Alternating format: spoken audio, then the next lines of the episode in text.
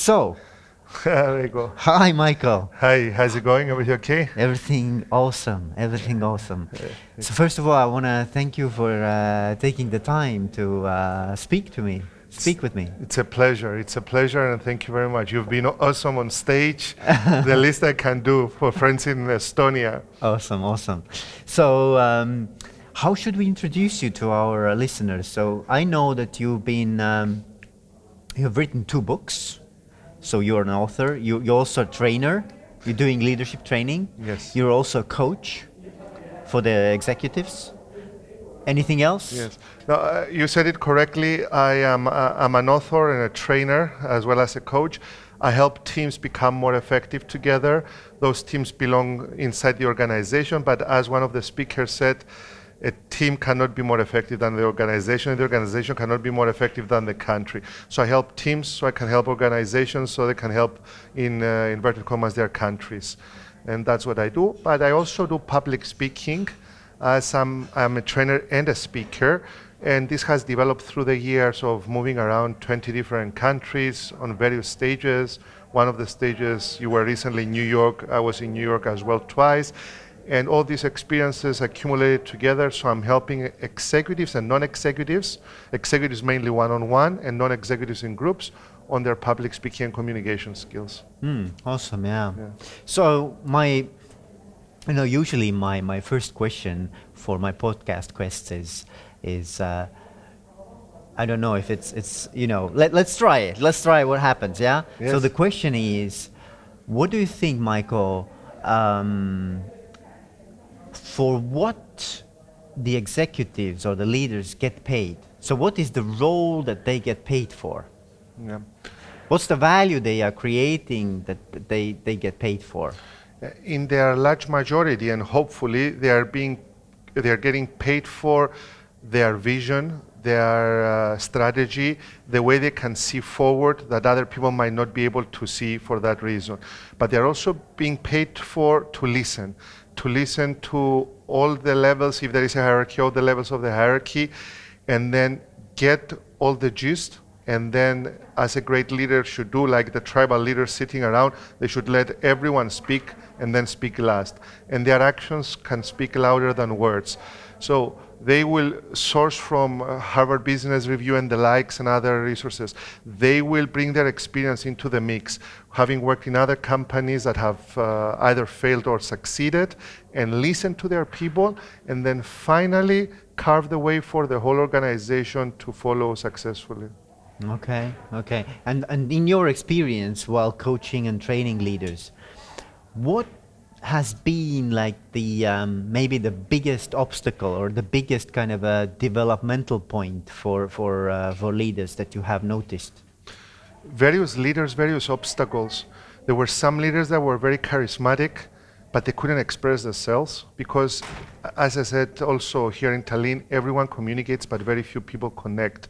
Those leaders were able to communicate only in a way that they understood themselves, so they weren't able to inspire their teams to follow. And I've seen very many capable leaders not being able to do that, and that's a different chapter, and we can go into that. Uh, other leaders, uh, I think a leader should first and foremost, he or she, it's not one, uh, one sex or the other, should be able to care about people more than they care about themselves. Uh, because, as I said here in, uh, during my speech, if you want to go fast, go alone, but if you want to go far, go with others. So they need to care to go far with others, and if they are well, uh, if they are savvy with technology, they can also go fast. So I believe there are different obstacles for different leaders in different industries with different mentalities. If a leader can bypass their obstacle and find another obstacle, I think that's a progressive leader who finds an obstacle because of the industry or because of the times we live in. But if a leader is finding the exact same obstacle year in and year out, either there's something wrong with the leader or with the board of directors. Yeah, but, but it's it's very interesting what you said. That uh, one thing that uh, resonates with me is is that you're saying that you need to almost like uh, you need to care about people. You need to love people. You need you you- you have to somehow um, uh, find pleasure in working with uh, other people. Yeah. True. So what? Let's let's elaborate this Yes. idea. I think it's a very uh, kind of an interesting. I think idea. no man or a woman is an island. Uh, the way that things have developed in the old days, my late father, Orlando used to do almost everything by himself. But he used to send letters and then uh, telex or faxes after that. It took six months for a letter to go to England, place his order, another six months for the goods to come. So it was one year until things uh, progressed. In the old days, if you, if you stood still, you could, you, can, you could have stayed there for three or four years and nothing much would have happened. But nowadays, if you stand still, it's like moonwalking, like Michael Jackson's moonwalking. You're going backwards from the moment you decide to stand still. So, in a very competitive world and in a global village that we are in, because of technology, you need other people. If you care for them, they will know that you care for them and they will give their blood, sweat, and tears. If you don't, they won't. And as I said at the beginning, no man or woman is an island. You cannot do it on your own. Yeah, but how? I mean, this is so fascinating. Yeah. How do you? Uh, how do you like? Um, what does it mean, like in a practical terms? To care. To care, yes. Yes. How, do, how how does a leader show or or or you know in their action and behaviors express uh, that they care? Uh, recently, I went to a customer who happens to be from Tallinn, but he's working in Cyprus. He's uh, head of a very big company there. And uh, he said to me, Can you motivate my team? Can you make them motivated? Can you help them be more passionate? And I said, Sir, you need we need to know what motivates each and every person. And as a leader you need to know what motivates each and every person inside your organization. Uh, if you have 10,000 people of course it's it's impossible but you need to know what motivates your managers that are in charge of those people. And you need to understand that some people might not be motivated by the model that you have brought in. Some people might be motivated by money some others by achieving things and some others because they love uh, to give uh, an excellent customer experience the other thing that I learned from this guy from Tallinn, his name is Ilmar, and what I learned from him is as soon as he came into the meeting, that was our first ever meeting, I've done my homework, I went in there, I'm going to help him uh, make his team more effective and find ways to care and motivate. He came in, he gave me his business card, and I said, Hello, Ilmar, because I, I knew who, who he was from the website.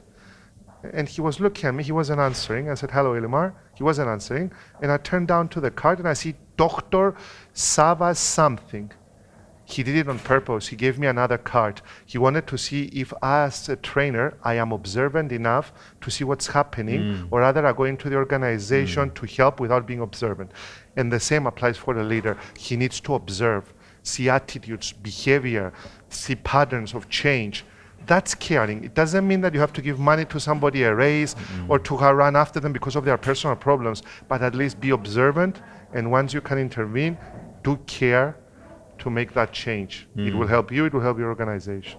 So, um, just to reflect, it, basically what you're saying is that you need to somehow uh, find a way how to connect with each person on their, you know, in the in their own worldview. Yeah. Especially for smaller companies. For bigger companies, you connect with your line managers, your your right hand uh, people, and they connect with their teams. But then again, uh, it doesn't mean that you are not harsh or you're not tough when decisions need to be made. And if some decisions need to be made, doesn't mean that you don't care.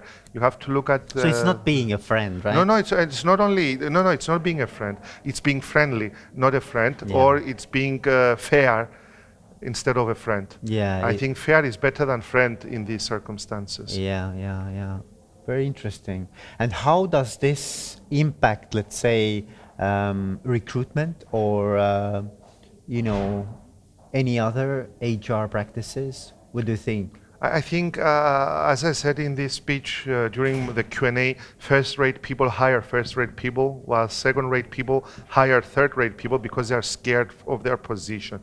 And I think at the end of the day, you shouldn't hire only like-minded people, but you should hire people that can complement your model. And at the end of the day, you should hire for attitude and train for skill. So show me a leader or show me the telephone operator and let me sit there for 10 minutes and listen to the conversations and I will tell you 80% correctly the culture of that company. And I think uh, recruiters, HR professionals should uh, take good care and uh, give great consideration uh, on these two pillars. Yeah, yeah. And if, if we're thinking about leaders and maybe recruiting leaders, Yes. so what would be some of the ways that I could, for example, know that, hey, this is a guy who really passionately uh, loves people, wants to work with people, wants to, um, you know, unleash the potential of each and every team member. So how, how do you how do you recognize this in leader? Let me start with the with the more scientific and come to the more primitive. Yeah. If I go to the more scientific, personally, I use the Enneagram test, and the Enneagram test is a psychometric test where you can see where people stand if they are honest with their replies. But at the same time, I will follow the more uh, going back to the more primitive stuff that my late father taught me. He said, Michael, when you are hiring for a position, just know that I've never seen in my life a bad CV. If somebody committed murder in Estonia, they won't go to New York and leave that in their CV. After they've done their jail sentence, they will omit it. Yeah, yeah. So the last two candidates, take them out for dinner. The last two candidates, after you've uh, interviewed, you sat one on one, take them out for dinner and see how they're behaving with the waiters. Are they saying thank you and please? or are they behaving uh, well with the person that they have in front of them who's the owner of the company or the CEO? And it's maybe it's a, it's it's told that it's a true story about Henry Ford. Henry Ford, uh, the late Ford from Ford Manufacturing, the cars, he took two people out for dinner. They finished the same university, almost the same GPA. They were both bright. They had a lovely dinner. They finished the dinner. They never talked about business or about Ford. And as soon as they finished, he said to the one guy, "Thank you very much." He said to the other guy, "Thank you very much," and you're hired. and the guy who wasn't hired asked, "How come I wasn't hired?" Just asking out of curiosity. He said, "Because he tried his meat and then he put salt, and you put salt before trying your meat." So I like people who try things and test things before they make the changes. So be observant, and you will see who cares about people and who doesn't.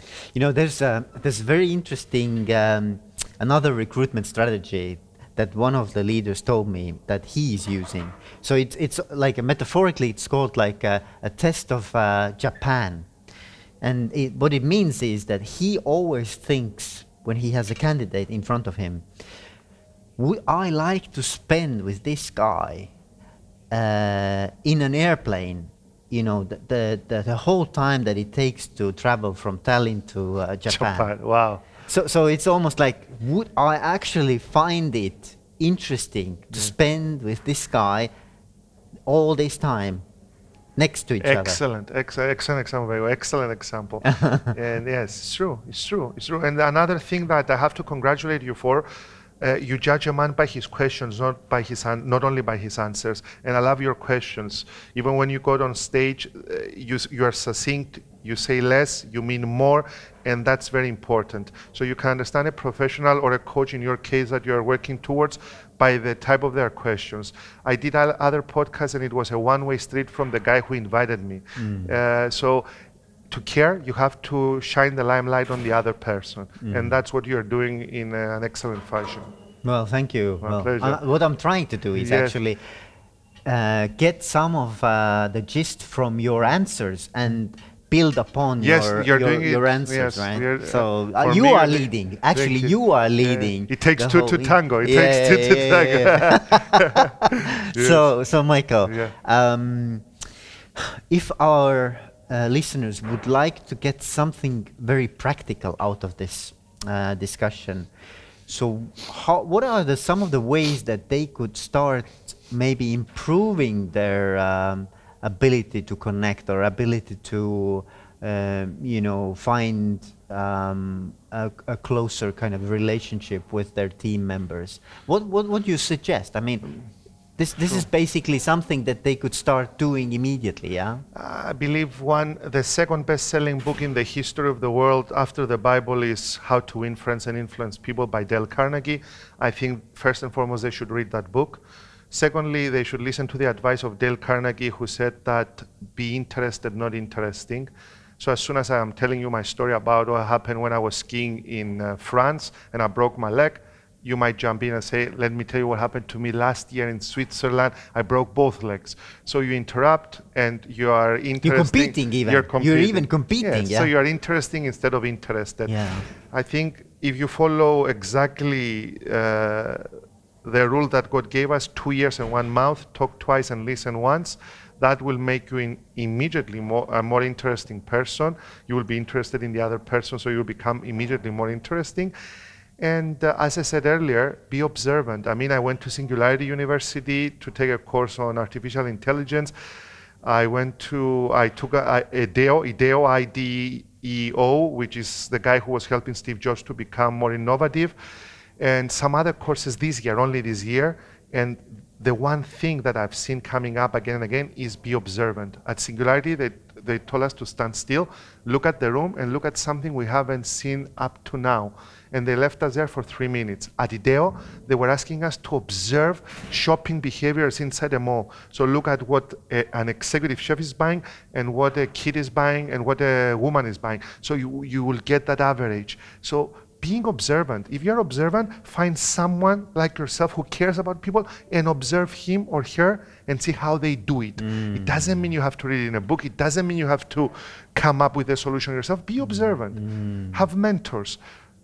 Yeah, yeah. Ask you know, for the coach. Yes. That's very interesting what you're saying because these ob- ob- observations and being aware of what you actually notice, yeah, it's uh, it's one of the exercises that um, one Estonian guy told me uh, is that what they did is they they st- stood one hour in the in the old town in Tallinn and uh, observed people passing by and uh, what they wanted to do was to give each person a compliment. So so you observe something in each person that you like or, or something that is you know Out of the sympathetic to you and they go and approach and just compliment this person one hour So they wanted to make the people more observant around what's happening. around- yourself Yes, being mm, observant yes, of, of yes, what the what- people who were present. I yeah, mean, what, in the what, what, yeah, exactly. What do you what what do you see? What do you like? Amazing. Yeah,